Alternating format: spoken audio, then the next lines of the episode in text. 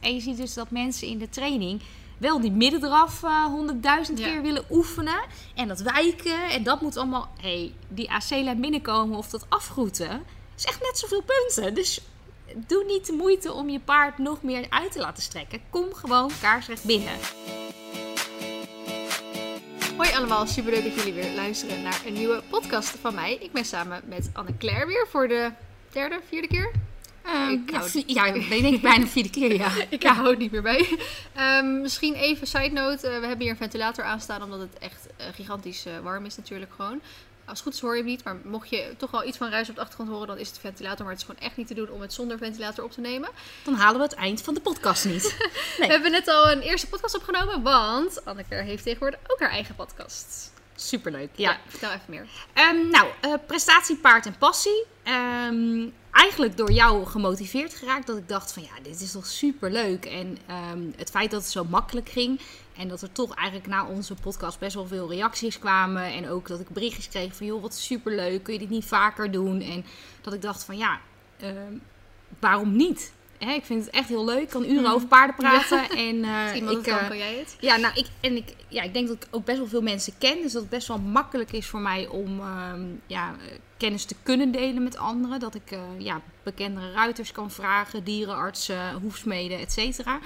En toen dacht ik, ja, daar moeten we gewoon wat mee doen. Want eigenlijk in de paarden ja, hebben we het gewoon niet. Nauwelijks. Nee, nee. Het is gewoon lastig. Ja. En ik denk wel dat het echt eh, een upcoming eh, business is. En ook gewoon, eh, ja, voor mij zie ik het echt als een extra tool om kennis te kunnen Ja. delen. Dus dank voor, je, voor de motivatie die je bij mij hebt aangewakkerd. ja, hij staat volgens mij nog niet officieel online, nee, toch? dat gaat deze week gebeuren. Dus eigenlijk ja, de derde week van, van augustus. Spannend. Dus mocht je ook even, nou de naam, ik moet altijd even kijken hoor, want jij gooit het in één keer eruit. Prestatie, paard en passie. Ja. Gewoon op Spotify zoeken of waar dan ook. En, dan, En op eh, Instagram. Ja, ik heb op Instagram ook gewoon een account Oh, om eh, dat. eh, ja, daar Ja. komen de aankondigingen in en Oh. wat er gaat. Ge...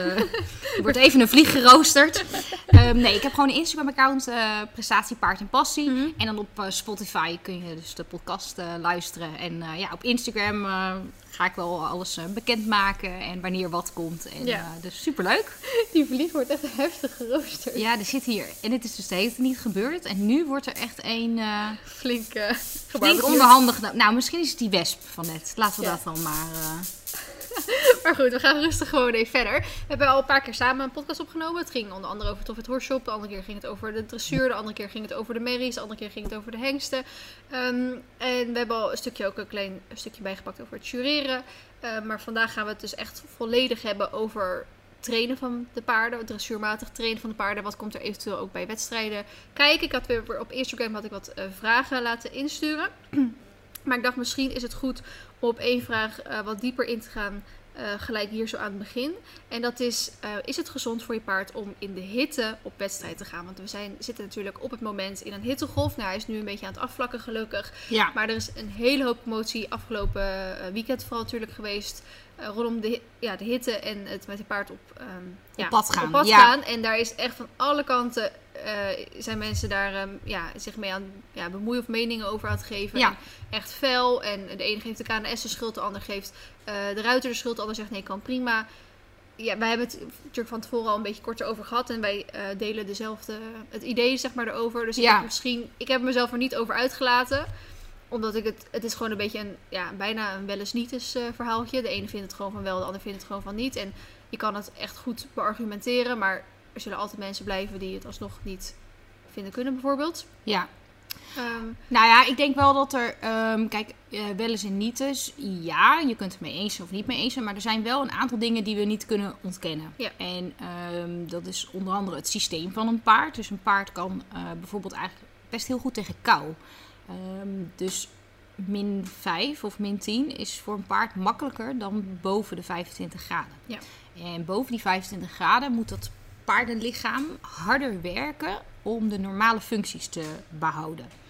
En ehm, dat is wel iets dat moet je dus wel in je achterhoofd houden. Dat dus het lijf extra moet werken. Nou, dan kom je op het punt, ehm, wat is op een gegeven moment noodzaak? Hè? Dus moet jij naar de dierenarts toe omdat jouw paard koliek heeft? Uiteraard ga je hem dan met 30 graden vervoeren, want anders Ja. gaat hij misschien sowieso wel dood. Ja.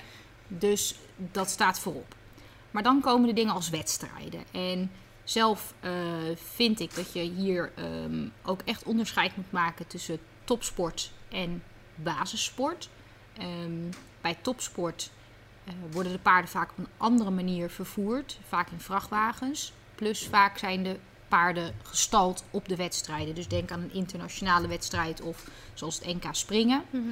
Um, wat dus inhoudt dat die mensen niet midden op de dag hoeven te reizen. Dus niet een uur voor hun starttijd.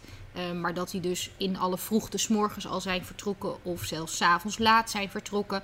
En waarbij die paarden gewoon in gekoelde stallen uh, gestald staan. Um, daarbij, de paarden die topsport lopen, uh, hebben goede conditie, uh, krijgen goede voeding, staan onder een topmanagement. Dus die worden dusdanig verzorgd en staan onder een ander soort begeleiding dan de meeste paarden in de basissport. Um, ik denk dat de ruiters die op topsportniveau rijden zelf het beste kunnen inschatten met hun begeleiding. Dus dat zijn ook vaak teamveterinairs en dergelijke. Mm. Of iets wel of niet verantwoord is. Um, maar het is heel simpel. Een Grand Prix uh, paard heeft gewoon een andere conditie en een andere vermogen dan een uh, paard wat op B of L niveau loopt.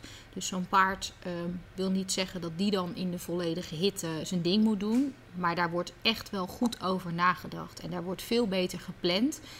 Um, en denk ook heel goed na. Dat zijn ook paarden die bijvoorbeeld op de Olympische Spelen moeten lopen. Um, in nog veel warmere omstandigheden. Dus dat is niet iets wat ze van de een op de andere dag pas gaan oefenen. Dat mm -hmm. zijn paarden die dus uh, al langere termijn uh, op goede conditie zijn en op een dusdanig niveau lopen. Um, dus ik denk dat, dat, dat daar ook voor mij wel echt de grens ligt. Um, ik vind zelf, uh, ben ik daar heel stellig in dat ik nu geen paarden vervoer.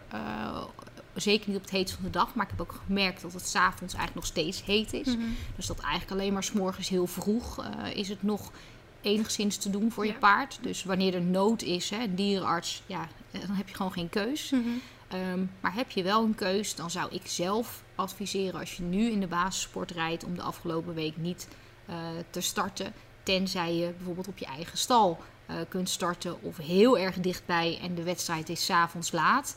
Uh, of s morgens heel erg vroeg. Mm -hmm. uh, dat je zegt van nou, de temperaturen waren echt nog gewoon onder de 25 graden. Ja. En want besef heel goed dat het in je trailer dus vele malen warmer ja. wordt. Ja. Um, dus dat het uh, dat stukje rijden, daar maak ik me niet zo zorgen Nee. om. Het is vooral het vervoer eigenlijk Ja. wat. eh, Want ik ging dus eh, eh, gisteren van huis van de vakantie met de paarden. En die, de, de bedoeling was om dit ook s'avonds laat te doen. In ieder geval met de temperaturen. Maar het zou heel de avond gaan onweren en gaan stortregenen. Nou, dan ga ik liever mijn paard in een wat hogere temperatuur vervoeren dan in de stortregen vervoeren. ja. Um, het was letterlijk een kwartier rijden. ja, dus Vanaf- het was echt dichtbij. Vanaf ja. Veenendaal naar Ede. Daardoor kon het zeg maar ook. Maar um, het was gewoon nog inderdaad rond de 30 graden rond uh, die tijd. En mijn paarden stonden gewoon na dat kwartier gewoon zwetend al op de trailer. Ja, ja zo snel gaat nooit het. zweten op de trailer, weet je wel? Ja, Dus Ja. zo snel gaat het. En Ja. ik had alles open. Ik had het luikje achter open, ik had de raampjes had ik open. ja, maar Dus- toch ja. ja. wordt het heel heet. En daarom zeg ik ook, er zit echt wel ook een verschil in of je de paarden vervoert in een vrachtwagen bijvoorbeeld. Ehm, we zien dat daar ventilatoren en dergelijke in zitten. Dus dat is echt anders reizen. Mhm. Ik denk dat je het ook zelf een beetje moet vergelijken met of je in een goede GR-code auto gaat. Of dat je dus inderdaad in je kleine autootje met alleen een raam open het moet doen. En je moet helemaal naar Friesland. Eh, zo moet je denk ik wel iets vergelijken. Alleen, ik, ja, ik denk nogmaals, je moet het wel echt vergelijken met topsporters. En eh, mensen die voor de lol een rondje Ja. rijden. En jij maakte En- een mooie, eh, mooie vergelijking met eh, die hardloper. Ja, kijk, iemand die professioneel marathonloper is en die goed op conditie is, die ook gewoon zijn hartslag dus heel goed onder controle heeft, die kan prima met dit weer ook trainen. Mhm. En ook die zal dat wel wat aanpassen. Maar op het moment dat je nu denkt, nou hé, hey, eh, mijn bikini shape is een beetje gone. Coronakilo's moeten er De vanaf. coronakilo's eh, zijn toch echt wel heftig aanwezig nu. Ik, laat ik eens gaan hardlopen. Ja, dat is natuurlijk niet slim om dat Nee. nu in de afgelopen week dan op te gaan pakken. En dan is het ook, qua eh, gezondheid kun je dat niet aan. En ik denk dat je het met de paarden ook wel een beetje zo moet vergelijken. Ehm, van hoe goed is jouw paard nou eigenlijk echt op conditie? En ik denk als je gewoon... ehm, rustig je rondje doet en je rijdt normaal drie, vier keer per week en je doet dus een keer een BL-wedstrijdje, ehm, dat het dan verstandiger is om je paard nu eh, even te sparen. Ja. Ehm, Ik zou zelf eh, nu ook nooit eh, op wedstrijd gaan, maar meer omdat ik er heel slecht tegen kan. Ja, nou ja, daarom, het, is, Ja. het is van twee kanten. Hè? Dus het is Ja. niet alleen je paard, maar het is ook voor, je, voor jezelf.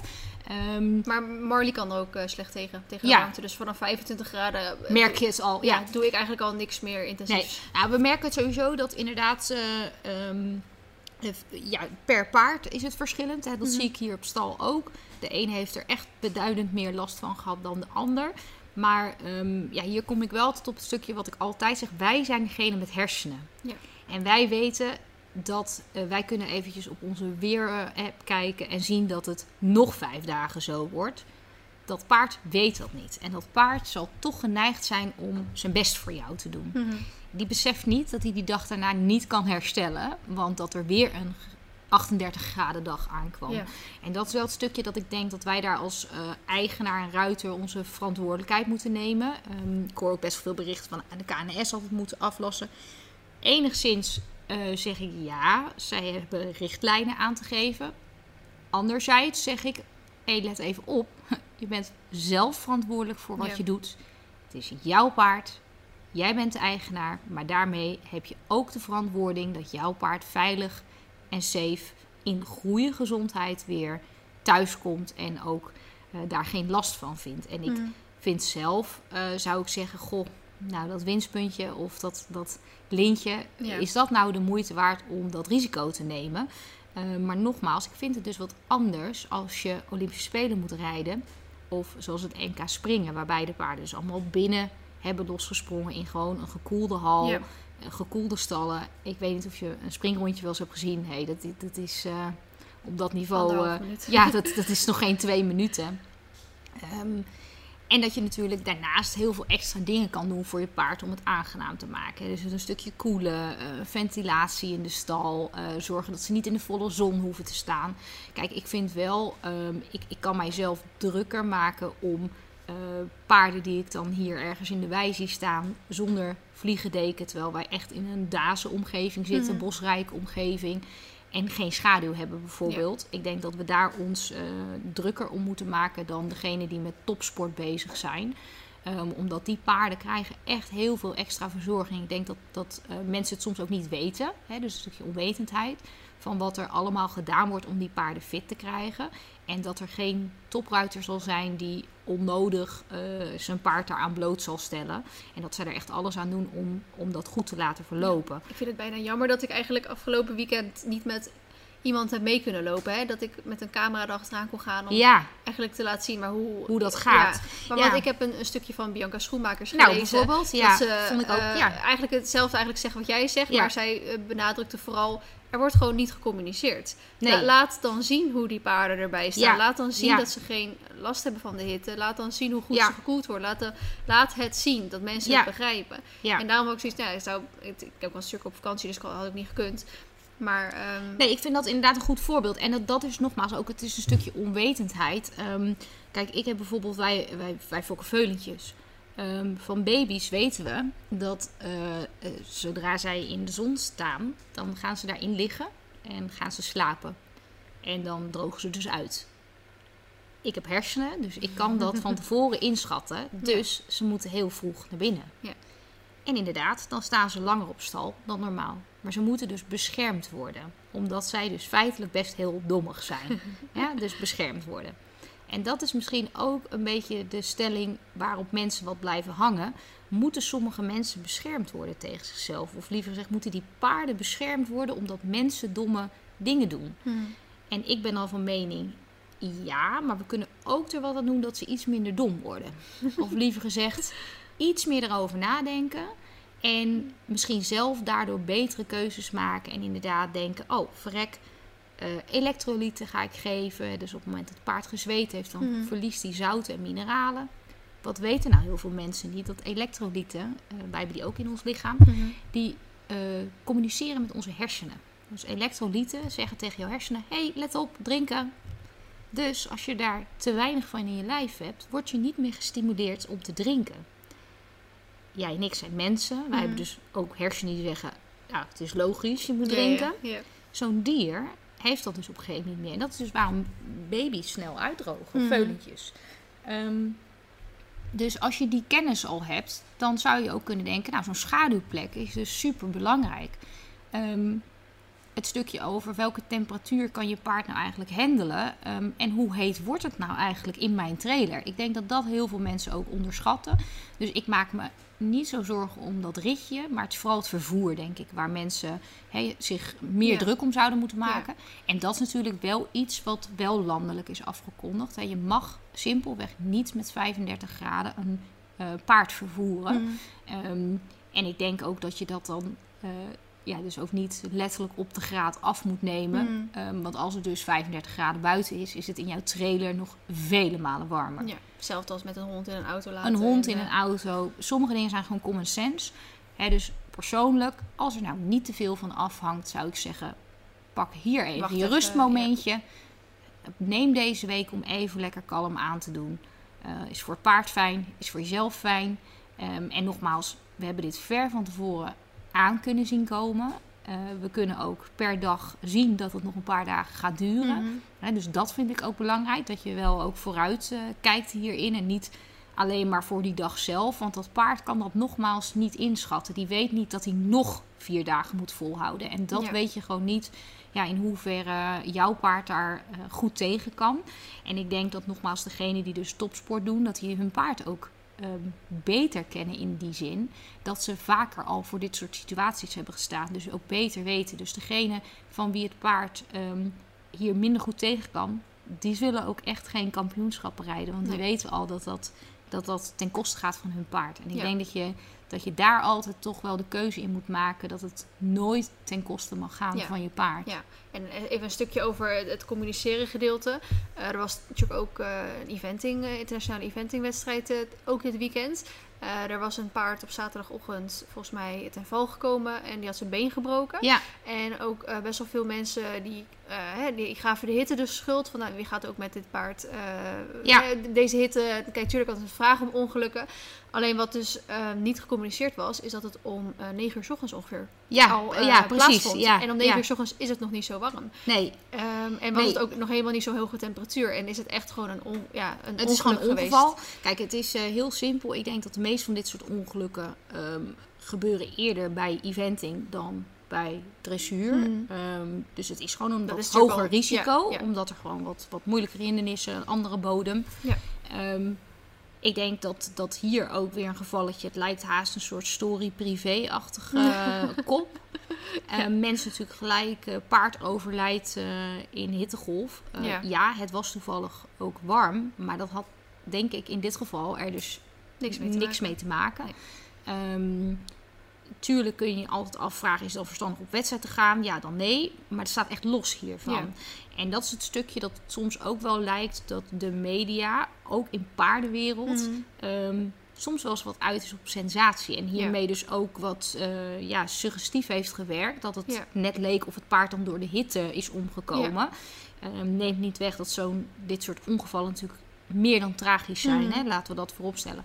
Maar de- ook bij een eventing, dat zijn ehm, paarden die dus echt heel goed op conditie zijn.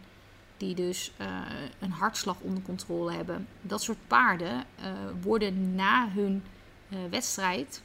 En moet- voor veterinair gekeurd. ja, en de, de hartslag wordt opgenomen. Ja. Als dat hartslag niet snel genoeg kan zakken, en dat is iets wat, wat je dus kunt creëren met conditie. Mhm. Hè, dus nou, conditie is een hele lange weg. Dat is Mhm. niet iets wat je in een paar weken Nee. voor elkaar krijgt. Dus dat zijn allemaal paarden die een langere tijd al goed op conditie zijn. Mhm. Op het moment dat die hartslag niet daalt, ehm, word je bijvoorbeeld gewoon uitgesloten. Kun je Ja. niet meer deelnemen, geldt je prestatie eigenlijk niet meer. Ja. Dus ik denk dat ook dit paarden zijn die daar beter tegen kunnen. Ehm, en ik denk dat dat stukje, ja, het zou goed zijn als eh, een aantal eh, topruiters of Amazones of de grooms daarvan Mhm. ehm, de mensen mee zouden nemen in dit stukje, zodat het duidelijk is. Ik snap dat zij ook soms denken, ja, hoezo, weet je, ja. interesseert mij het nou? Ik weet dat ik het goed doe. Ja.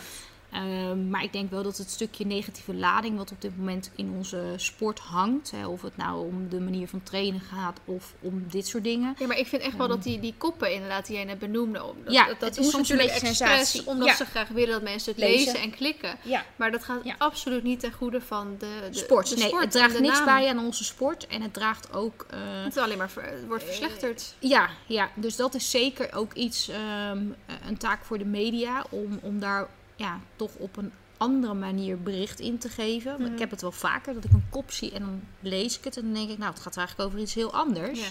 En dat vind ik wel jammer, maar dat is, ja, dat is nou eenmaal hoe het online werkt. Dus ik vind Mhm. ook wel, ehm, mensen roepen heel makkelijk online. Ja. Hè? Dus het is heel makkelijk om, zonder dat je het hebt gelezen, om toch je Ja. mening te geven. En het is een soort ehm, populair of zo. Maar ik, ik denk nogmaals ehm, dat, dat aan ons daar een taak ligt om meer kennis te delen en om ook ehm, transparanter te werk te gaan. Dus nogmaals, bij het NK hadden we echt prima wat eh, kunnen filmen. Ik denk dat onder andere Bianca Schoenmakers daar een heel goed voorbeeld van. Die eh, laat natuurlijk ook best wel veel dingen Ja. al zien. Maar ehm, ik denk dat het goed is voor mensen als, eh, ja, als ze zouden zien hoe, hoe topsportpaarden verzorgd worden. En begrijp me dus niet verkeerd. Ehm, het wil dus niet zeggen dat als jij een lager opgeleid paard hebt of als je nog niet zo hoog eh, start en je gaat hem zo verzorgen, dat je dan ook op wedstrijd kunt. Hè? Mhm. Nogmaals, dat stukje conditie Ja. eh, en uithoudingsvermogen, en dat is echt wel iets wat je nodig hebt met hitte Ja. om gezond te kunnen blijven, dat Ja. moet je niet onderschatten.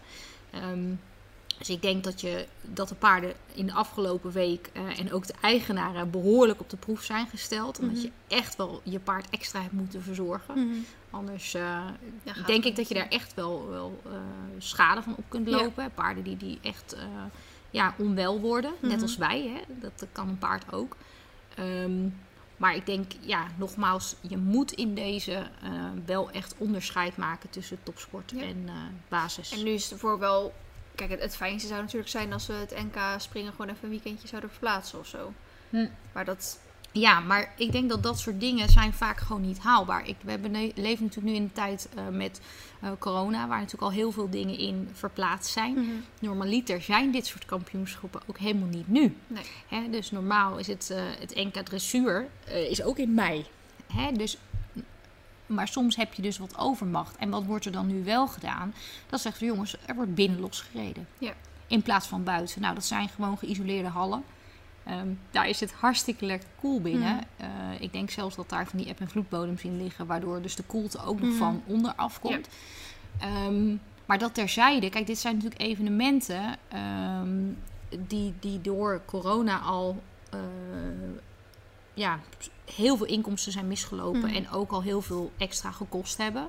Ik denk dat ruiters ook heel graag eh, ja, toch weer aan start willen. Dus degene die zich daar toch hard voor maken en eh, daarin willen investeren om toch hè, de sport waar we allemaal zo van houden weer een podium te geven.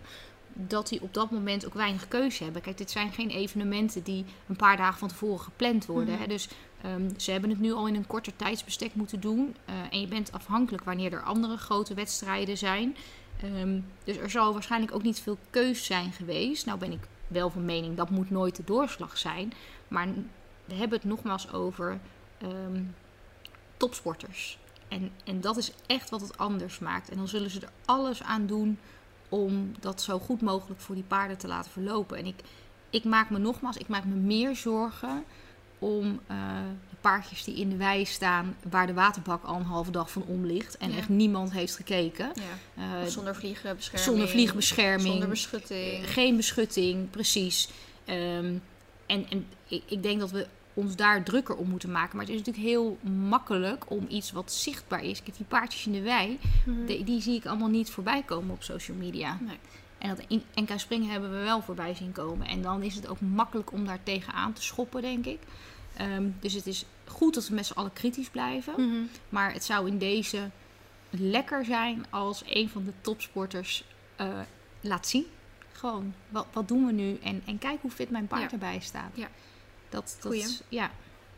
Oké, nou we hebben even 20 minuten over. eh, Ja, het, ja maar het is een belangrijk onderwerp. Ja, absoluut. Het is heel ja. eh, actueel ook zeker. Eh, nou, we gaan even een hele switch maken naar ehm, de rest van de vragen. Gaan het gewoon natuurlijk echt over trainingstechnische vragen.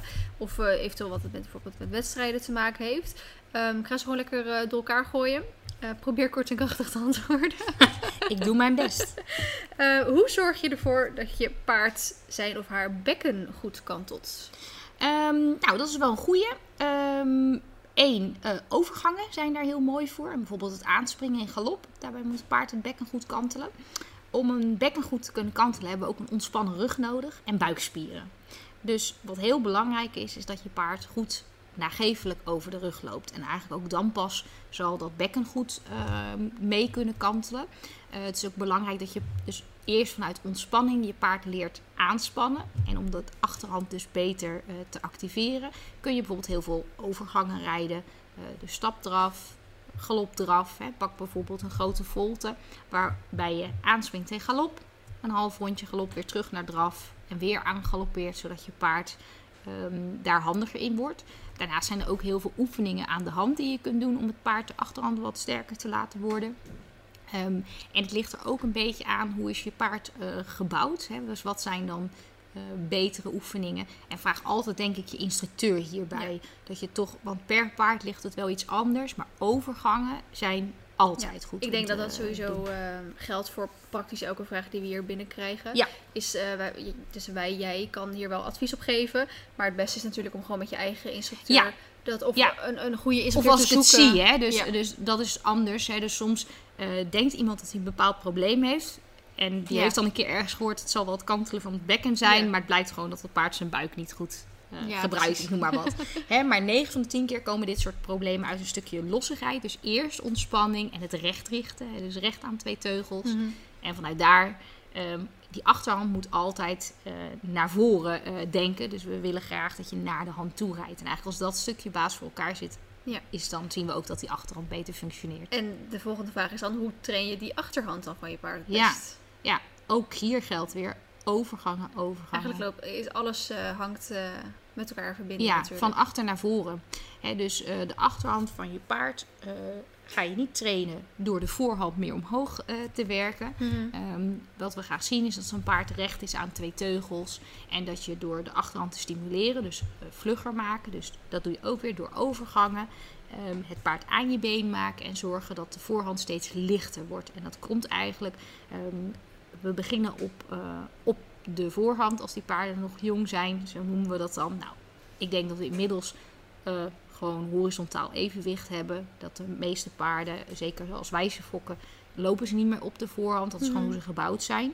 Ehm, nou, dan beginnen we eigenlijk op horizontaal evenwicht. En vanuit naarmate jouw training vordert en jouw niveau vordert, zien we dat het gewicht steeds beter op de achterhand kan. Het is ook zeker niet te verwachten dat je dat binnen één les... eh, Nee, Even nee, elkaar nee. krijgt. Het is gewoon iets wat je eigenlijk als rode draad door al je trainingen moet laten volgen. en dat gewoon jarenlang... eh, Eerst ontspanning, recht aan twee teugels. En vanuit daar die achterhand actief maken door middel van overgangen. Voltes, hè, waarbij dus ook dat bekken moet kantelen. Rechte wendingen. En vanuit daar dat opbouwen. Dus zowel in, in, in tijdsduur, maar dus ook in eh, de scherpte van wendingen bijvoorbeeld. Of de overgangen waar je eerst eh, vijf eh, meter over mocht doen. Dat je nu zegt één keer been en dan moet hij weg zijn. Nou, Ja. En uiteindelijk zie je dat zo'n paard dus een bespierdere rug krijgt. Een bespierdere achterhand. En vanuit daar ehm, ook meer kracht kan opnemen op de achterhand. Ja. Oké, ehm, ik kreeg hier een vraag binnen. Hey, mijn paard pakt de hele tijd zijn bit vast tijdens het rijden. Hoe kan ik dat stoppen? Nou, ehm, stoppen, dat is altijd een groot woord. Ik ben wel van mening, kijk eerst naar de basics. Dus een tandarts. Want het meest voor de hand liggende is altijd, kijk toch even ook waar het probleem eh, zich voordoet. Ehm, zeg je nu, nou, dat is altijd al eh, netjes bijgehouden, dat kan het niet zijn. Dan eh, komen we toch weer op dat plek, eh, of dat, dat stukje training van achter naar voren. We zien dat heel veel mond- en aanleuningsproblemen eigenlijk onder en achter het zadel ontstaan.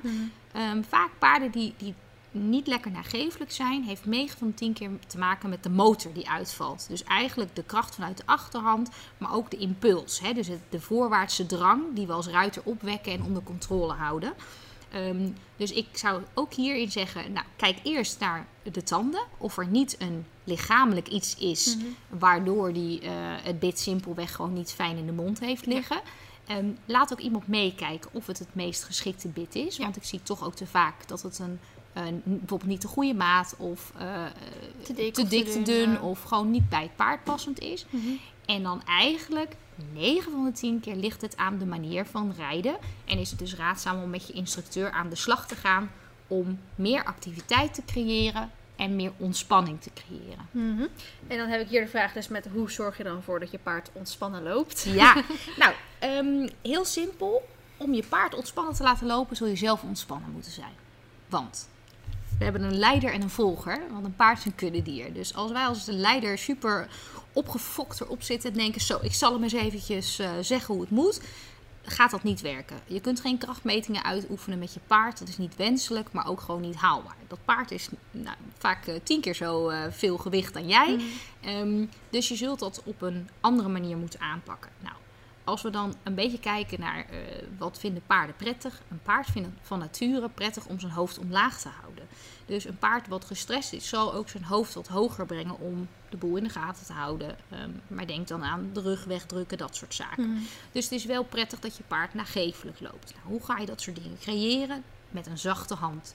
Ehm, ik omschrijf het altijd, eh vergelijk het met kneden in een spons. Hè? Dus eh, niet trekken, je masseert je teugels eigenlijk een beetje. Ehm, en je moet het zien als een soort eh, vraag en antwoord met je paard. Eigenlijk een interviewtje met je paard. Eh, jij vraagt wat, maar geef je paard wel de tijd om antwoord te geven. Als die niet het goede antwoord geeft, dus met andere woorden, hij doet het niet, hè, want dat horen natuurlijk, hij doet het niet.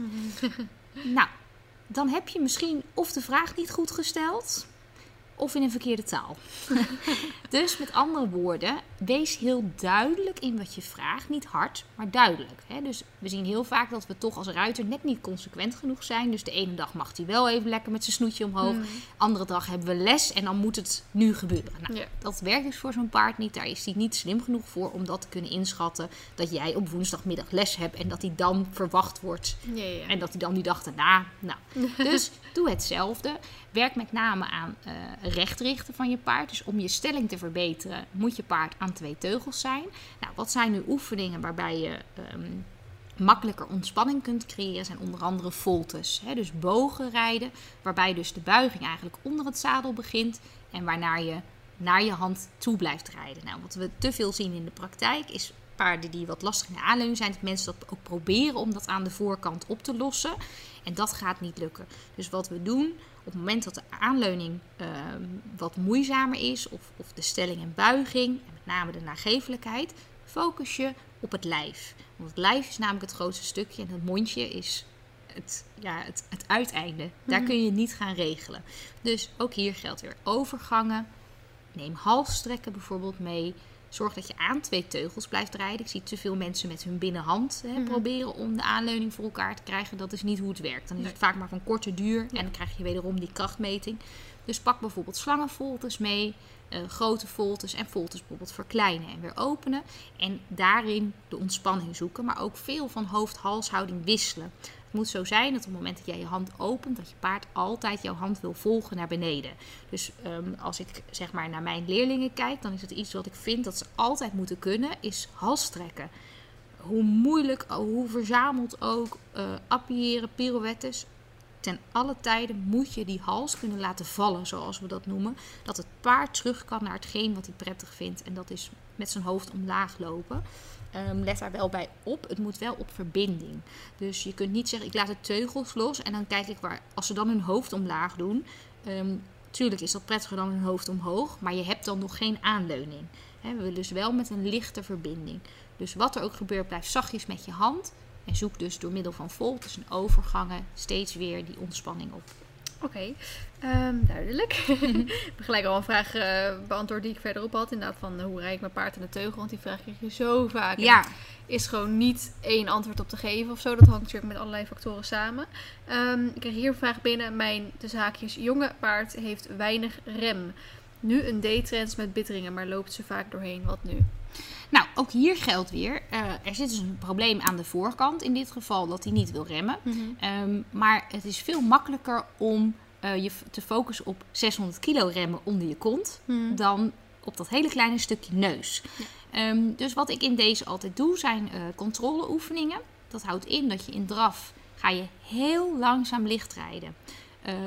Je rijdt licht in het ritme van het paard, in de tweetakt van de draf. Op het moment dat je langzamer gaat lichtrijden, zul je merken dat het paard daarin ook wat langzamer gaat en zich gaat aanpassen aan jouw ritme. En dan blijkt dus dat je in één keer met je billen kunt remmen en helemaal niet met je hand.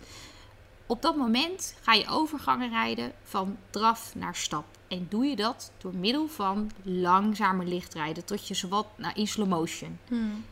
Dan sluit je je hand zachtjes, maar nogmaals niet meer dan enkel eigenlijk knijpen in de teugels. Wees je ervan bewust dat als je je hand vastzet of je gaat terugtrekken, dat het paard dan juist het bit vast kan pakken. Dus het is heel simpel. Als wij niet de teugels vasthouden, kan het paard ook niet eraan trekken. Dus doe dit altijd in het ritme van de draf. Dus kneed in die tweetakt. En dan zul je ook merken dat je paard daar veel meer gehoor aan geeft dan wanneer je eh, terug gaat trekken. En focus je dus met name op je zit. Dat je controle probeert te krijgen in het lijf van je paard. En dan zul je zien dat de voorkant beter gaat. Hoe merk je dat eh, je paard klaar is om een niveau hoger te gaan? Ehm, nou, ik denk eigenlijk als je met veel gemak je oefeningetjes kunt doen. Dus dat je ook merkt dat alles wat je nu moet doen in jouw proef, eh, ja, dat dat bevestigd is. Dus dat je niet meer op hoop van zegen door de bak heen gaat. Dus ehm, let ook wel hierbij eh, op dat het bij de leeftijd van je paard past. Hè? Want ik heb ook wel eens jonge paarden eh, hier die gewoon, omdat ze zo gebouwd zijn, omdat ze zoveel aandacht hebben, ja, ook heel makkelijk allerlei dingen kunnen. Ehm, dan komt weer dat stukje, wij hebben de hersenen. Hè, wij kunnen plannen en wij weten dat ze dan pas vier of vijf zijn. Ja. Dus eh, neem dat altijd mee in je beslissing. Ehm, maar laat het er vooral van afhangen met het gemak waarmee je de dingen uit kunt voeren. Dus op het moment eh, dat je echt moet gaan oefenen om bijvoorbeeld de schouder binnenwaarts te, te verbeteren. En je moet dat dus vier, vijf keer doen. En dan nog een keer en nog een keer. Dan wordt het dus belasten voor een paard. Dus op het moment dat je denkt, hé, hey, ik neem dit een keer spelende wijs mee en het gaat heel makkelijk. En je merkt dat je op wedstrijd ook goed scoort. Dus niet elke keer net 180 punten. Dan weet je ook dat je er klaar voor bent. Ja. Dus met name dat je vol ontspanning eigenlijk dat stukje door kunt, eh, kunt rijden. Ik denk ook altijd van, eh, ik ga pas hoger als ik... eh, hè, en, wat jij net allemaal zei, dat je de oefeningen gewoon beheerst. Maar en als ik rond of boven de 195 punten rijd... Ja, dat het meer bevestigd ja, is. Ja, ga niet naar het volgende niveau als ik alleen maar 181 heb. Nou, nou, maar dat, ja. Nee, En ik zie dat toch in de regel wel te veel gebeuren. Dat mensen eigenlijk een beetje puntjes bij elkaar sprokkelen. Hmm. En dan uiteindelijk, ehm, ja, dan, dan toch in het set bijvoorbeeld komen. En dan daar dus je echt... echt door de mand. Ja, en dat is niet leuk. Voor jezelf niet. Voor, het het paard paard niet. Eh, maar het is voor mij als jury ook niet leuk. Want ik zit er ook voor mijn plezier. Mhm. En als ik dan nog geen één fatsoenlijke overgang zie... of geen aanleuning voor elkaar... word ik ook verdrietig van. Dus ehm, zorg dat je eh, les hebt. En bespreek het ook met je instructeur... wanneer je eh, wil promoveren. Hè, en kijk bijvoorbeeld inderdaad... eh, zoals wat wij morgen gaan doen... zo'n proefgerichte clinic. Ja. Dat soort dingen van... ben ik er al klaar voor? En rij ook daadwerkelijk een keer zo'n proefje door. Ja. Want de oefeningen los kunnen is één. Ja. Maar dat hele proefje achter elkaar, dan merk je ook pas of je er echt klaar voor bent. Ja. Inderdaad. Hoe laat ik mijn pony gezond afvallen? Ze krijgt wel heel arm hooi. Ehm, nou ja, dat eh, gezond afvallen ehm, gaat altijd samen met beweging. Ehm, en ook hierin geldt doseren. Dus je kunt niet in één keer zeggen van nou, ze krijgt helemaal geen eten meer. Ehm, omdat het, het kouwen heeft een functie. Dus eh, het is zeker verstandig om in deze droog hooi te geven. Ehm, als het eh, enigszins mogelijk is, laat je hooi testen. Want het kan soms best verraderlijk zijn. Sommige eh, dingen zijn gewoon marsen in de jas van een appel. Dan lijkt het wel redelijk oké, maar blijkt het toch best wel veel suiker te bevatten. Ehm, wees eh, voorzichtig met weidegang. Dus zorg dat je paard een wat karigere wei heeft. En ehm, met name in de, in de wintermaanden let op met wanneer s'nachts vorst is. En dan overdag een zonnetje komt. Dan eh, komt er extra veel ehm fructaan vrij in het gras. En dan kunnen paarden heel makkelijk bevangen van worden. En dat zien we natuurlijk met, met paarden die wat steviger zijn. Die hebben daar meer aanleg voor. Ehm, en neem contact op dat iemand naar je voeding kijkt. Ehm, paarden moeten gewoon eh, wel altijd blijven kauwen. Dat, dat is, eh, de darmen zijn heel gevoelig van een paard. Dus je kunt niet zomaar zeggen, ik geef niks meer. Eh, maar probeer zowel voeding en beweging te verdelen. En daar zit eigenlijk het sleutelwoord. Dus meerdere voerbeurten per dag, maar ook meerdere keren in beweging. En let op, buiten staan in een paddock of in een wei is geen beweging. Paarden die daar gewoon rustig in zijn, die lekker rustig staan, die lopen amper. Dat is dat kun je geen beweging noemen. Mhm. Dus veel stappen met je paard, maar ga dus ook niet dat paard in één keer een uur rijden of zo. Dat Mhm. kan niet. Hè. Bouw dat rustig op, maar zorg wel dat het paard bijvoorbeeld meerdere keren per dag, per dag stapt. En, en zorg inderdaad voor eh, armhooi en eh, bijvoorbeeld nou, zo'n Cavlor Fiber Force. Dat, Ja. is, eh, dat is echt heel geschikt voor Ja. paarden die zwaarlijvig weer- zijn. Je moet ze ook weer niet gaan... eh, ja, zo erg op dieet gaan zetten dat, Dat ze ze niet het vasthouden, eh, ja, ja. dat is niet de, de Ja. juiste hoeveelheid eh, wat ze gewoon echt nodig hebben. nodig- ja. Kijk, we hebben ook eh, paarden als ze op een gegeven moment echt te zwaarlijvig zijn. Dat we op een gegeven moment zeggen, nou we gaan over op een vitaminekorrel. Dat ze echt alleen maar dus eigenlijk een supplement krijgen Mhm. en geen voeding meer. Eh, zelf ben ik wel voorstander om het in eerste instantie met voeding op te lossen. Want ik zie in de regel dat daar ook nog het meeste te halen valt. Dat paarden bijvoorbeeld toch de brok van stal nog krijgen. Of eh, toch nog, eh, ja, hij vindt het zo lekker. Dat soort Mhm. verhalen. Nou, dat, dat is wel belangrijk om daar echt kritisch op te zijn. Ehm, wat eet hij nu echt? Hè, want mensen zeggen, nee, hij krijgt niks extra. Maar als we het dan opschrijven, blijkt het toch gauw meer te zijn. Dus ehm, kritisch naar het menu kijken. En zowel eten als beweging goed verdelen. Oké, eh, volgende vraag is: wat kan ik doen als mijn vijfjarige pony last blijft houden met haar evenwicht tijdens het rijden? Ehm, nou, evenwicht is wel een dingetje. Daar zitten wel vaak echt medische oorzaken aan. Ehm, ik weet niet of ze in deze misschien balans bedoelt. Want Mhm. dat is natuurlijk ook altijd een beetje een lastig dingetje. Is het echt evenwicht of balans? Ehm, balans is eh, ook een geleidelijk proces. Hè? Dus naarmate ze ouder worden en rechter aan twee teugels en bespierder worden, kunnen ze zichzelf beter dragen. Evenwicht daarentegen hebben ze gewoon al bij de geboorte. Als ze dat niet hebben, moet je, bij jezelf te raden gaan of er misschien iets medisch aan de hand is, waardoor dat paard of je pony dat zo heeft. Ehm, dus ik zou als je instructeur ehm, ja, er geen rijtechnische dingen in ziet, zou ik zeker adviseren om dat toch dan een keer door een dierenarts na te laten kijken.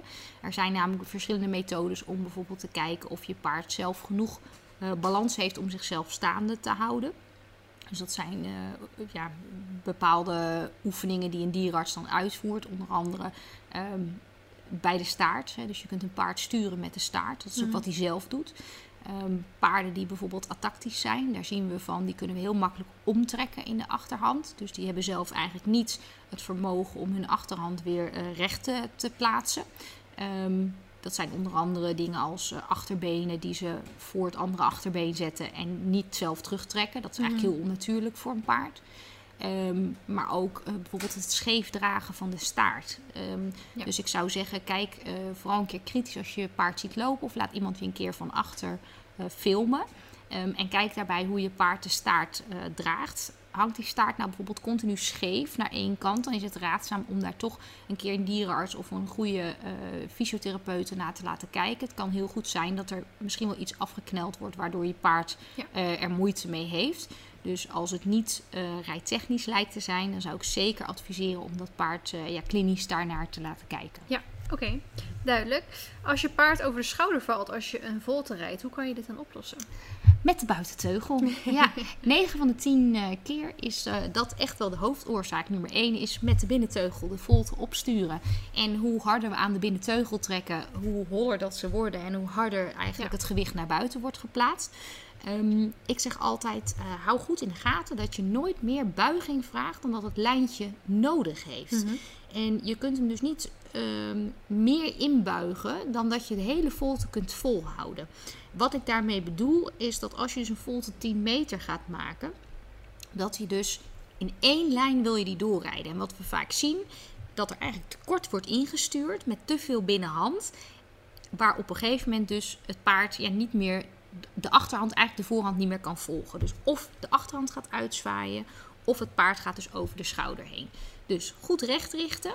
En heel belangrijk, kijk je volte goed door. Dat je zelf dus ook in die linker of rechterbuiging gaat zitten.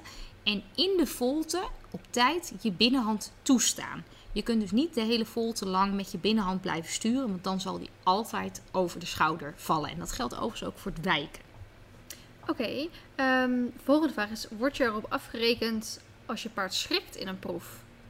Ehm, nou ja, in zekere zin wel. Kijk, als jij daar een overgang moet rijden en hij schrikt en hij doet het daardoor niet. ja, ik kan niet als jury zeggen, ach wat sneu, hij is geschrokken. Want ja, hè, dus ja, daar wordt zeker wat mee gedaan. Ehm, maar als je dat als ruiter netjes oplost, en dat is wel echt waar we als jury naar kijken, hoe gaat de ruiter ermee om? Kijk, ik kan je niet een 7 geven voor iets eh, waarbij het paard eh, tegen de hand en van de hoefslag af is Mhm. gesprongen. Maar je kijkt wel naar hoe wordt het opgelost en hoe kun je daarna ook weer verder. Schrikt dat paard één keer of schrikt hij tien keer in de proef? Hmm. Hè, dan zul je het ook onder in je cijfers, hè, bij de harmonie en bij de rijvaardigheid terug zien komen en ook bij de ontspanning.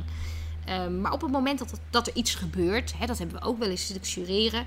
En in één keer komt er iemand van achter en die klapt zo heel nonchalant een paraplu uit. Of er valt een deur dicht. Of er komt iemand per ongeluk toch die binnenbak in. Het blijven wel paarden. En paarden zijn van nature eh, vluchtdieren. Als een keer schrikken is helemaal niet erg. Maar in zekere zin is het antwoord dus ja. Je wordt er wel op afgerekend. Maar het is aan jezelf hoeveel je erop afgerekend wordt. Los je het kalm op, eerlijk naar je paard toe, zul je zien dat de schade beperkt blijft. Mooi hoe je dat zegt. Ja. Eh, wat is het belangrijkste bij het rijden van een jong paard die voor het eerst op concours gaat? Ehm, ontspanning en een goede ervaring. Dus ehm, ga niet voor die winstpunt, maar ga voor die goede ervaring. En neem daar dus in mee dat het in- en uitladen van de trailer of van je vrachtwagen, dat dat ook onderdeel is van die ervaring. Het losrijden, ehm, het, het starten, alles hoort erbij. Maar alleen het proefje, zeg maar, dat is helemaal niet het belangrijkste. Dus zorg dat je altijd al een keertje ergens naartoe bent gegaan, zodat je ook weet hoeveel energie je paard eh, verbruikt. Want dat zie je nog wel eens met de jonge paarden. Ja, dan moet het proefje, dan zijn ze eigenlijk al moe, Ja. want dan hebben ze hun kruid Te veel, verschoten. eh, ja, Te veel indrukken. te en, veel, eh, ja, want besef heel goed mee. ja, dat dat geestelijk ook heel veel inspanning is. Dus het allerbelangrijkste is naar mijn idee ontspanning en een stukje gehoorzaamheid natuurlijk. Mhm. Dus dat het paard er ook echt wat aan over eh, houdt in de positieve zin en echt wat geleerd heeft. Dus zorg dat je de tijd neemt, zorg dat je niet te laat al aankomt. Want zo'n Mhm. jong paard kan er gewoon niet mee omgaan dat je in één keer heel snel moet opzadelen. Ja. Neem de tijd en ehm, een foutje in de proef is helemaal niet belangrijk. Dus probeer ook als er een keer wat misgaat. Nou en, dan rij je een keer een extra volte. ehm, neem die volte voor lief als je het daarmee goed kunt afsluiten. Dus de ervaring en de ontspanning is veel belangrijker. En dan zal je ook zien dat het die keer daarna weer makkelijker eh, gaat. Ja. ja. Eh, ik heb soms het idee dat mijn merrie nooit zin heeft. Kan dat? We variëren wel veel in de training. Ja, eh, zin heeft om te lopen, denk ik dan denk bedoelt ze. in, in- ja, in te trainen. Ja, nou ja, kijk, soms. eh, er zijn natuurlijk paarden die zelf ehm, meer werkwilligheid hebben dan de ander. Ehm, wel ben ik van mening dat de meeste dingen dan ook wel een oorzaak hebben. Dus ga in ieder geval eerst de basisdingen na of er een reden is waarom zij eh, minder zin heeft of tegen je been is. We zien vaker dat merries bijvoorbeeld wat tegen het been kunnen zijn. Dat kan bijvoorbeeld hormonaal zijn. Dus als je merkt van nou, ze heeft er meer last van tijdens bijvoorbeeld de hengstigheid. Ja, Mhm. dat is iets hormonaals. Hè, dus dan eh, zit er een eh, groot ei op de eierstok. Ehm, eierstokken liggen bij het paard achter het zadel. Ehm, je kunt je voorstellen dat dat dan voor wat irritatie zorgt. Ehm, als jij zelf eh, wat buikpijntjes hebt en je moet dan volop aan de bak in de sportschool, denk je misschien ook, nou, poeh, Ik sla mijn trainer neer. ja, precies. En zo is voor zo'n merrie ook. Ehm, mocht dat nou vaker zijn dan alleen de hengstigheid, dan zou ik toch. Was het een wesp of Nee, een vlieg? mij Oh. Ehm, dan zou ik toch ook toch altijd eerst naar de medische dingetjes kijken. Mankeert mijn paard niks? En denk daarbij bijvoorbeeld aan een niet goed passend zadel. Kan echt eh, een belemmering zijn voor het paard om te lopen. Ehm, kijk hierbij ook van, eh, schrijf het bijvoorbeeld op. Hou eens een keer een dagboekje bij, zodat je ook kunt zien... Hey, verrek, toen ging het wel goed. Dat je ook kunt zien, wat heb ik toen anders gedaan? En wellicht dat je daarin dan ook de oorzaak kunt vinden. Is het misschien eh, het losrijden? Of is het inderdaad eh, ja, toch iets aan de hand met het, eh, met het tuig? Past het hoofdstel of het zadel niet goed? Ehm, en laat dan ook gewoon e- echt een keer een professional meekijken als je er niet uitkomt. Want eh, vaak is het wel zo, als je te lang met dit soort dingen doorgaat, wordt het ook gewoonte. Ja. Hè, en als dat paard eenmaal ergens een pijntje heeft en associeert het rijden met dat gaat zeer doen, is dat heel moeilijk om dat te doorbreken. Ja. Dus ehm, ik zou zeggen, laat een instructeur meekijken. Kom je er niet uit, hè, probeer het vooral niet eh, met geweld op te lossen, maar kijk kritisch, past alles goed en zijn er dus eventueel ja, andere dingen aan de hand waardoor ze niet eh, zou willen lopen. En laat dan toch echt een dierarts eh, Ja. meekijken. Oké. Ja. En wat is de meest gemaakte fout in een proef? In een proef? Ja. Nou, van alles. nee, ik denk, ja, wat is een echte fout? Ehm, fout, fout. Een fout is gewoon als je naar links gaat in plaats van naar rechts of zo. Maar wat ik, eh, wat ik graag beter zou willen zien en waarvan ik denk, nou, daar moeten we toch echt met z'n allen even goed op oefenen. Dat is toch het binnenkomen op die AC-lijn. dus op de ene manier is dat heel moeilijk. En, ehm, maar het is wel het begin van je proef. Dus eh, als je nou toch echt even de aandacht van mij wil eh, en van mijn collega's, dan kom je gewoon voor een team binnen. Want dan zitten we er gewoon klein. Wow, dit is echt supergoed. En je ziet dus dat mensen in de training wel die middendraf eh, honderdduizend Ja. keer willen oefenen. En dat wijken. En dat moet allemaal, hey, die AC-lijn binnenkomen of dat afgroeten. is echt net zoveel punten. Dus doe niet de moeite om je paard nog meer uit te laten strekken. Kom gewoon kaarsrecht binnen. En hou gewoon netjes op vier benen halt. Eh, dan, hè, dan is dat al echt Ja, heel erg prettig. een goeie. Ja. Ja, dus dat is niet per se fout, maar ik zie daar verbetering in Ja. mogelijk. Ik zie dat gewoon dat het een onderdeel is waar mensen toch vaak ja, een beetje het af laten weten. Mhm. En wat misschien wel de, nou, wat dan de allermeest gemaakte fout is, is mensen kijken naar beneden. En dat is misschien niet alleen in een proef, maar ook in het gewone rijden. Mhm. Dat ze tijdens een proefje aan het kijken zijn of het goed gaat. Of in de spiegel kijken of zo. Mhm. Ehm, gewoon voor je uitkijken en kijk naar waar je wil uitkomen. Want dat is voor je paard zijn balans super belangrijk. Dat hij voelt in jouw zit waar je naartoe wil. En op het moment dat jij met je ogen naar rechts kijkt, dan voelt hij dus ook dat je daar naartoe wilt. Helpt je dus ook gelijk bij dat binnenkomen.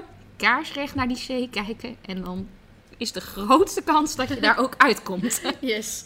Ehm, hoe kan je ervoor zorgen dat je een goede trainer vindt die je goed kan helpen en begrijpt? Want ik denk dat dat, dat Ja. nog best wel lastig is. We zeggen wel heel vaak van ja, zorg dat je met je instructeur naar kijkt. Maar volgens mij is het Ja. nog best lastig om echt een goede te vinden. Ja, klopt. En ik ehm, denk ook dat je hierin ehm, ja, niet kunt zeggen van nou, dit is eh, perfect of dit is niet goed. Kijk, een instructeur moet wel een bepaalde basis hebben. Dus dat is een ORUN-diploma. Dat heeft gewoon mee te maken dat eh, iemand, vind ik, wel echt bevoegd moet zijn om les Ja. te geven. Ehm, maar is dan iedereen met een ORUN-diploma een geschikte instructeur?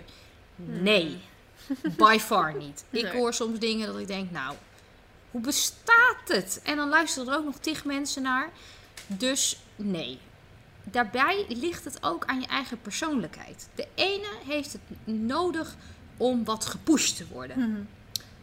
De ander is misschien wat onzeker en heeft juist wat meer vertrouwen nodig. En een instructeur die in alle rust dingen uitlegt. Ehm, dus ik denk dat je daarin ook kritisch naar jezelf moet kijken. Ehm, neem bijvoorbeeld ook gewoon een proefles bij iemand. Dat je toch een keer vrijblijvend ergens gaat rijden. Ga kijken bij andermans lessen. Ja. Ehm, zodat je ook kunt zien, past dit bij mij? Want het kan heel goed zijn dat een, een instructeur echt gewoon een fantastische instructeur is. Maar dat het niet bij jouw persoonlijkheid past. Mhm. Ehm, daarnaast kan het zijn dat je een heel specifiek probleem hebt. Waarbij gewoon de ene instructeur meer ervaring heeft dan de ander. Dus probeer daarin om je heen te kijken. Maar vooral op eigen ervaring af te gaan. Dus doen. Neem die les bij de instructeur. Ga meekijken. En laat niet simpelweg gewoon zeggen: Oh ja, die, eh, dat, die heeft de mooiste website of de beste eh, reviews op eh, Facebook. Ja, dat, dat Mhm. zegt niet altijd alles. Nee. Kijk dus naar wat bij je past. En ehm, ga, ga wel kijken, ja, wa- wat heeft het andere bijvoorbeeld gebracht. Hè? Dus eh, kijk echt naar persoonlijke eh, informatie en ervaring. Ja. Ja, oké. Ehm, wat zijn de toptips voor hoge punten? Toptips voor hoge punten. Nou, ehm, wat ik al zei. Super binnenkomen. Dat is toch echt wel iets waar veel mensen punten laten liggen. De afwerking in de proef. Dus focus ook echt op hoeken en letters. Want het is gewoon zonde als je voor een 8 uitstrekt, maar je vervolgens de hoek niet inrijdt daarna. Want ook dat nemen we mee in onze punten. Ehm, overgangen. Hè, ik zie toch te vaak dat dan eh, ja, van het ene naar het andere een beetje weggemoffeld wordt. Ehm, dus ja, het, echt het afwerken in de proef, dat brengt je zoveel. Weet je, dan ga je niet op één onderdeel omhoog, maar dan ga je gewoon in één keer 20 of 30 punten omhoog. En Mhm. dat maakt natuurlijk het grote verschil. Ehm, en ja, zelf heel kritisch zijn. Dus wat denk ik de allerbeste tip is, film je proeven. Ja. Want dan kun je ze nakijken. En dan zal je zien dat eh, ook die keer wanneer je denkt, nou, het was zo'n kutjury. Mhm. Ja, ik had echt veel hoger moeten krijgen. Hoe vaak ik dat wel natuurlijk niet heb gedacht, omdat ik volgens mij vanaf het begin af aan dat ik met wedstrijden reed, vlogde ik al. Dus ik heb ongeveer elke proef die ik ooit gereden heb, staat op film. En dat ik inderdaad echt dacht, nou, dit was echt fantastisch. En dan had ik 183 punten of zo. Dat is nog steeds wel winst, maar dat Ja. ik echt dacht, nou, dit moest Veel te laag. Veel te En dan laag. zat ik die proef, proef terug te kijken, denk ik, jeetje, dat ik überhaupt nog een winst heb gereden Nou, in deze proef. En vaak is dat toch wel een, een, een eye-opener om jezelf dan een keer terug te zien. Ja. Wat dan het allermooiste is, is eigenlijk als je dan met je protocol en je video dat samen met je instructeur bijvoorbeeld nog een keer kan kijken. Zodat je instructeur ook weet, hé hey, verrek, dit gaat thuis wel goed, maar op de, in de Ja. proef niet. Ehm, heb je nu vaker dat het ehm, thuis wel heel goed gaat, maar in de wedstrijd niet, dan zou ik altijd adviseren: vraag toch een keer of je instructeur een keer mee wil op wedstrijd. Ik snap dat het niet altijd haalbaar is, maar ehm, soms eh, verander je zelf ook gewoon te veel in Ja. wedstrijd en doe je toch andere dingen. Maar dat videoen, ja, dat is toch wel een echt hele iets makkelijke tip om een jezelf, ja, om jezelf eh, beter te, te maken. Ja. En, eh, en om het terug te zien, ook een stukje relativeren Ja. misschien. Ja, ja. En, eh, en nou ja, nogmaals, in de proef zelf afwerken. Dat zorgt voor de meeste punten. Ja, dat is ook hoe, eh, want Marley kan niet strekken voor een 8 en die kan niet verruimen voor een 8, maar echt het meer op de letter rijden op de, weet je, Je kunt wel diep door de hoek Daar en je kunt wel kaarsrecht over die diagonaal gaan. Je kunt wel kaarsrecht erop zitten. Hè? En ehm, je kunt wel heel goed markeren. Dus ook zeggen voor die middendraf moet ik hem dus iets meer bij me houden. En ook duidelijk een overgang laten zien. En inderdaad, ja, dan krijg je daar misschien geen 8 voor. Maar je kunt wel, ehm, ook in dit geval weer, schade beperken. En wel laten zien dat je heel bewust bezig bent met het verbeteren en het optimale eruit te halen. En ik ben van mening, je kunt wel voor een 8 binnenkomen. Dus of je Ja. nou die 8 haalt op het uitstrekken of op het binnenkomen of op je volte. Ja, En dat is eigenlijk waar je mee bezig moet Ja. zijn. ja. goeie. Ehm, wat vind jij van de verplichte stang en trends in de internationale dressuur? Ja, ehm, nou, eigenlijk wel een moeilijk stukje. Want we zien nu dat nationaal mag je, tot en met de Grand Prix mag je op een trenchje rijden. Mhm. Ehm, aan de andere kant, ik denk dat we hierin... eh, dit is nog een eh, tijdelijke regel. Ik, vermo- ik heb een vermoeden dat ook dit met een aantal jaren wordt bijgeschaafd. Ehm, wat, wat nu de hoofdreden zal zijn, is ehm, dat op dat niveau willen we dat de eh, voorwaarden en de omstandigheden gelijkwaardig zijn. En dat zal denk ik de reden zijn dat ze dit nu nog zo houden. Het is ook iets van oudsher wat er een beetje in is geslopen. Ehm, maar we zien nu in Nederland al hè, dat paarden dus eh, boven het set gewoon prima nog met een trenchje lopen. Eh, We kijken naar onze hero. Die doet alles tot en met licht toe gewoon op een trends. Ja. Maar dat wil niet zeggen dat ik stangentrends onvriendelijk vind. Mhm. Het zijn mensenhanden die die stangentrends onvriendelijk maken. Ehm, juist bij stangentrends, en dat is denk ik iets, als je er zelf nog nooit mee hebt gereden, is dat best lastig, denk ik, om je daarin te kunnen vinden. Ehm, je rijdt nog steeds op die trends. En wat je eigenlijk doet, is ehm, door middel van twee bitten, is, zijn de hulpen nog meer verfijnen en heel klein eigenlijk kunnen werken. En ik snap dat heel veel mensen ook naar die stangentrends uitwijken. Zo van, dan kan ik hem beter houden. Mhm. Dat is niet de tendens. En ik denk ook dat het daarom in de Grand Prix eh, nog steeds ehm, ja, wel verplicht is. Omdat ze die verfijning juist eigenlijk willen behouden.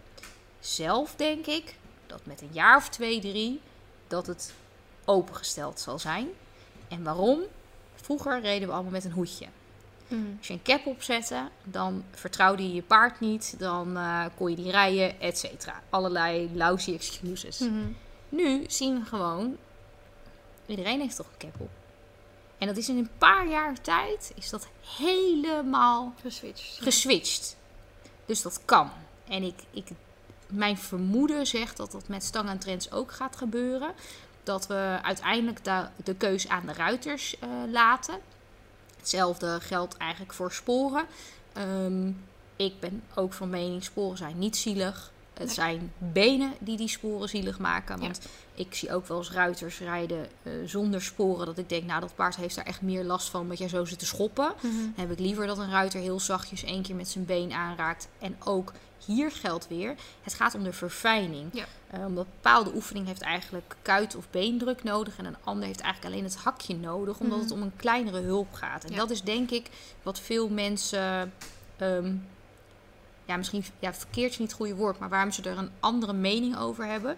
Omdat ze eh, het niet zien als verfijning, maar zij zien het als extra tools om het paard in toom te houden. En dat Ja. is niet de insteek Nou, van... de, vooral de fout die ik heel veel voorbij zie komen, omdat ik ehm, ook zo van redelijk recent nog een halfjaartje zoiets met sporen ben gaan rijden. ja, En ik ook vragen krijg en ook echt wel een soort van, eh, ja, niet, niet alleen vragen, maar ook echt dat mensen het kwalijk met nemen kwalijk misschien. nemen Ja. dat ik in één keer met sporen rij. En dan denk ik, ehm, ik ben nooit echt per se tegenstander van sporen geweest. Ehm, ik vind wel het heel erg als jij een spoor gebruikt om je paard naar voren te rijden, omdat hij niet op je been reageert. Nee, Je paard hoort op je been te reageren. En als die daar niet Ja. op reageert en je gaat een spoor omdoen om hem dan maar scherper in te zetten, dan ben je fout bezig. ja, precies. Maar ik eh, merkte heel erg, omdat we eh, allemaal zijwaartse oefeningen op een gegeven moment Ja. eh, bij het M2 moesten doen. We gingen in één keer schouder binnenwaarts, we gingen travers. we- eh, je nam ook nog af en toe een keer wijken mee. Soms ben ik wel een beetje met appiëren bezig. Ik heb eh, mijn keertwendingen, zowel Ja. kort als, als hele keertwending of halve. Ik heb ook mijn stapgalop. Ja. Al die beenliggingen liggen best wel dicht bij elkaar. ja, om maar het dat is het. Ja. aan te geven. En ik heb letterlijk, Marley heeft nog nooit van zijn leven gestijgerd onder het zadel. Tijdens gewoon eh, Werken, het- gewoon ja. werken, weet je wel. Dat doet hij, heeft hij echt nog nooit in zijn leven gedaan. Eh, en in één keer, hij blokkeerde. Hij kreeg error in zijn hoofd. Omdat ik gewoon letterlijk vroeg of hij voor mijn been opzij wilde gaan. En hij dacht, wat vraag je van me? Ik Ja. snap het niet meer. Nee. Hij dacht, hij wilde aanspringen in galop. Ik dacht, nee, ik wil gewoon dat je opzij gaat Ja. voor mijn been. Ging in één keer een eh travers inzetten. Ik dacht, nee, ik wil gewoon dat je opzij gaat voor mijn been. Hij kreeg letterlijk error. En hij kwam omhoog omdat hij het gewoon niet begreep. kortsluiting. Kortsluiting. Ja, dat, ik dat heb ik nog nooit in mijn leven met meegemaakt. Dus toen heb ik een sportje de volgende keer omgedaan. En toen heb ik proberen mijn, mijn, Dat het eh, duidelijker mijn hulpen duidelijker door kunnen geven. Dat ik ze meer van elkaar kon onderscheiden op dat vlak. En dan heeft hij het nooit meer gedaan. Nee, maar dat is dus ook precies. Hè, daarom, ehm, het is heel eh, nobel dat iedereen denkt, nou ja, dan kan je dat zo of zo. eh, dat moet ook allemaal zonder kunnen. Dat klopt. Maar hoe hoger je komt, hoe meer oefeningen erbij komen. Ehm, en dat kan soms voor het paard best verwarrend zijn. Je Ja. gaf het net zelf al aan. Die travers en galop bijvoorbeeld. Dat, dat is best wel een dingetje. Ehm, en daarin eh, zien we vaker dat die paarden het net even niet begrijpen. Een keertwending, dat is zo klein en zo subtiel eigenlijk.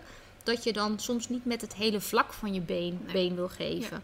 En ehm, Volgens mij zei Ankie van Gunsen ooit dat je de buik als een soort touchscreen moet zien. En dus Ja. inderdaad, als je, eh, op, als je heel wat... Kijk, als ik heel mijn vuist... eh, dat kunnen jullie niet zien. Maar als ik heel mijn vuist op mijn, op mijn telefoonscherm ja, leg... er gebeurt dan, dus niks. gebeurt er niks. Dan, dan krijgt mijn telefoon ook een soort error. Ja. Als ik dus zo met mijn vingertje eh, Ja, alles zeg maar gericht. voorzichtig gericht Ja. kan aantikken, dan Ja. weet mijn telefoon wat ik bedoel. En zo werkt Ja, paarden maar zo, een beetje. ja, zo is het dus ook. En zo is het eigenlijk ook met stang en trends. En omdat dat voor de meeste mensen iets verder van ze af ligt, ehm, denk ik dat daar nog iets minder begrip voor is dan voor sporen. Maar zo is het in feite wel. En het is gewoon heel lastig dat er gewoon ook gewoon misbruik van wordt gemaakt. En daardoor... Tuurlijk, maar dat is in alles Ja. met paarden. Ehm, het zijn altijd de goede die lijden onder. Ja. Hè? Zo, zo is het. En ik denk, ook hier geldt weer een stukje openheid, transparantie, kennis delen. Ehm, als ik zie wat eh, goede bitten bijvoorbeeld met een paard kunnen doen. Ehm, ik heb een klant gehad, eh, die had bijvoorbeeld altijd, dat paard, die al zijn hele leven, had hij toch altijd wat last van zijn tong. En ze zegt, ja, wat ik ook doe, ehm, ik krijg dat laatste stukje gewoon net niet lekker voor elkaar. En hij deed het eigenlijk al toen we hem kochten.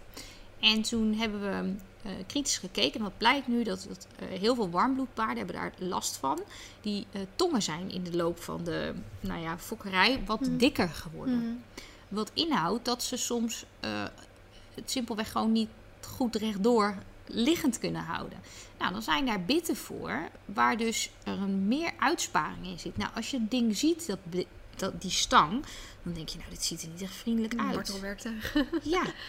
En wat blijkt, je legt het bij het paard in die mond. En dat dier denkt, oh lekker, mijn tong past er echt precies tussen. Waardoor die helemaal geen druk meer geeft. En dat is denk ik iets waardoor we nu zulke harde, eh, grote stappen maken in, in welzijn. Ehm, de wetenschap gaat ook hard vooruit. We kunnen veel meer onderzoeken. Er is veel meer bekend over de anatomie van de paarden. eh, het opleiden van paarden. Een stukje bitfit, hoofdstafit. ja, dat dingen moeten passen. En het is heel simpel. Als jij eh, verkeerde schoenen aan hebt of drie maten te klein. Nou, ik, ik hoor wel hoe je loopt. eh, hè, dan red je ook nog geen straatje mee. Mhm. En dat Met is nieuwe wel... schoenen alleen al. Nou, daarom. Nee, maar dus dat is een dingetje. En ik denk dat we daarin qua bitten en sporen... ehm, zijn we al heel erg vooruit gegaan. Vroeger had je gewoon geen keuze. Hè? Toen ik met Stangen Trends ging rijden. Hmm. Toen was dat gewoon... eh, nou, je had dan eh K&K Sprenger. Dat was het. En dan had ik al een oude Argentaan bit. Nou, dat was al echt zo. Poeh. Nou, dat was echt. En als ik die dingen nu zie, zo dik, zo zwaar. En toen was dat al nou, het beste wat je voor je paard kon kopen. En nu zien we dus 20 jaar later. ehm, hebben we bitten die wegen nog maar de helft van die hele set bij elkaar, weet je wel. Het en, en daarin gaan we ook verder. En ik denk, we moeten het zeker niet uit, uit de weg gaan. Het stukje ehm, welzijn met topsport. Ehm, maar we moeten juist veel meer kennis opdoen. En ook gewoon daarin kritisch blijven. Maar ik weet zeker, over twee jaar, drie jaar rijden ze ook in de Grand Prix op een trenchje. En moet die keuze aan de ruiter worden gelaten. Ja. Ja. Ja, mooi, eh, mooi stukje informatie zo. Ehm, de laatste vraag. Hoe maak je een juist trainingsschema voor je paard? Ik vind de balans heel moeilijk. Ja, dat, nou, dat is ook super moeilijk. Ehm, hoe maak je een goed schema? Dat is om eigenlijk eh, je doel goed voor ogen te hebben. Want dan weet je ook pas waar je naartoe wil trainen. Nou, wat eh, kan je doel zijn? Je doel kan zijn een niveau hoger, maar het doel kan ook zijn: mijn paard moet beweging. Hè? Want vergis je niet, we willen niet allemaal wedstrijden rijden of doen. Ehm, dat paard dat één keer in de week een buitenrit moet maken, ook daar zul je eigenlijk een trainingsschema voor moeten maken. Want het paard kan dus niet de hele week stilstaan en dan vier uur op buitenrit. Dus ik denk dat het heel belangrijk is dat je van tevoren bepaalt wat wil ik ermee bereiken. En dat je vanuit daar gaat beslissen hoe ziet die week er dan uit. En ook hierin geldt weer, wij hebben ehm, hersenen, dus wij kunnen vooruitkijken. Jij weet dat je die zondag wedstrijd hebt. Dus plan dan vanuit je wedstrijd terug. Dat je zegt, nou, ik doe liever longeren de dag van tevoren. Of ik rij altijd graag de dag ervoor. Ga dan vanuit daar plannen. Is het een langere termijn planning? eh, werk dan ook met tijden. Zet bijvoorbeeld ja, toch een keertje een wekkertje op je telefoon. Want ik denk dat heel veel mensen onderschatten hoe lang ze of hoe kort ze soms op hun paard zitten. Denk hierbij bijvoorbeeld aan je instappen. En nog belangrijker, het uitstappen. Ik denk dat heel veel mensen te kort uitstappen. Dus soms is het ook gewoon belangrijk om dingen te timen, zodat je ook echt daadwerkelijk weet hoe lang je bezig bent. Variatie is belangrijk, maar ook hierin geldt weer, ligt ook aan het niveau. Kijk, als jij een paard hebt wat bijvoorbeeld wat eh, licht artrose heeft, ga ik niet zeggen dat je ook één keer in de week moet springen. Hè, dat is onzinnig. Hè, dus kijk naar de leeftijd van je paard, maar kijk dus vooral wat is je doel. Wil je beweging? Wil je een niveau hoger? Moet de conditie omhoog? Voor conditie kan je bijvoorbeeld heel goed ook galoptrainingen toepassen. Doen de eventingruiters heel veel. Ehm, maar ik zou wel altijd zeggen, wat je ook doet, zorg dat je vooruitgang boekt. Het zij in losgelatenheid, het zij in conditie. Ehm, maar dat je wel ook altijd een stukje variatie houdt. Dus dat je niet zes, zeven dagen in de week in de bak rondjes gaat rijden. Want daar wordt echt nou, niemand gelukkig van. Nee, je nee. paard niet, maar jijzelf ook niet. Nee. Maar laat het ook afhangen van bijvoorbeeld een bodem. Hè. Als je zelf een hele zware bak hebt, dan is het gewoon niet verstandig om daar heel veel in te trainen en daar langer in te trainen. Mhm. Ehm, dus, dus kijk ook, eh, neem ook mee in je trainingsschema. Bijvoorbeeld het buitenstaan van je paard of het eh, lopen, wandelen. Hè? Bij ons komen bijvoorbeeld alle paarden in de molen. Dat is wel degelijk onderdeel van de training. Doordat ze dan op één tempo moeten stappen zonder belasting op hun rug. Ze hebben geen eh, tuig om, ze lopen daar. Ehm, kunnen we heel makkelijk de conditie beter op peil houden. Want wandelen houden we langer vol. Maar doordat ze dat op een nou ja, best wel een tempo doen, eh, draagt dat bij aan de conditie, maar ook bijvoorbeeld herstel van het lichaam. Dus dat is denk ik heel belangrijk dat je van tevoren bepaalt welk doel heb je en wat kan mijn paard aan? Dus kijk hierbij ook naar leeftijd. Hè? Dus een, een paard van 21 is natuurlijk wat anders dan een paard van 3. Ehm, maar een paard van 3, hey, drie keer in de week even wat met hem doen, is echt zat. Ja. Hè? Dus rustig aan. En laat hier ook gewoon je trainer in meekijken. Dat hij bijvoorbeeld vraagt om huiswerk aan je instructeur. Dat je zegt na de les van nou, wat zal ik deze week eh, meenemen? Goeie. Oké, dan denk ik dat we bij deze hem eh, af kunnen sluiten. We zijn ook weer lekker eh, een, een uur en bijna tien minuten bezig. As usual. Ja. Nou, het is al beter dan anderhalf uur. Ja, we gaan zeker. vooruit. We gaan vooruit. Ga vooruit. Ik hoop dat jullie het weer een hele interessante podcast eh, vonden slash vinden. Eh, Ik denk dat we ook zeker nog wel hier ook wel weer een deel 2 een keer voor op kunnen nemen. eh naar aanleiding van de vragen. Misschien heb je juist na deze podcast misschien eh, zijn een hoop vragen beantwoord. Maar misschien heb je ook juist weer nieuwe vragen gekregen. Eh, dat komt eh, vast over een paar weken of zo gaan we dat vast wel een keer doen. Eh we gaan natuurlijk weer bedanken voor al Ja, deze top. informatie. Ik vind Hartstikke altijd, eh, grappig dat mensen die deze podcast luisteren zeggen van... Feline, dat is toch jouw podcast? Ik hoor alleen maar Claire praten. Ja, maar je stelt nu ook echt goede vragen. Je merkt ook dat de vragen ook een beetje groeien, zeg maar. precies. Ja, ja. Maar het is ook gewoon, ja, jij bent hier degene die alle versta- ja, het verstand heeft. En ik ben Nou. de interviewer, dus... Ik, ik doe mijn best. maar ik vind het vooral leuk om te delen. En ik vind het vooral leuk dat we zo'n groot bereik hebben. Ja. Dat we echt hier wat eh, kunnen bijdragen. En Ja. eh, inderdaad, wat je zegt, kom maar op met die vragen. Wij plannen wel weer een middagje. En Yes. dat komt helemaal goed. precies. Thanks. Nou, laat weer even weten in onze DM's wat jullie ervan vonden. En dan eh, zien jullie vanzelf alweer een keer op Instagram weer een nieuw oproepje voor vragen binnenkomen. Maar ik zal wel weer even sturen. Oké, bedankt voor het luisteren en tot de volgende keer. Doei! doei.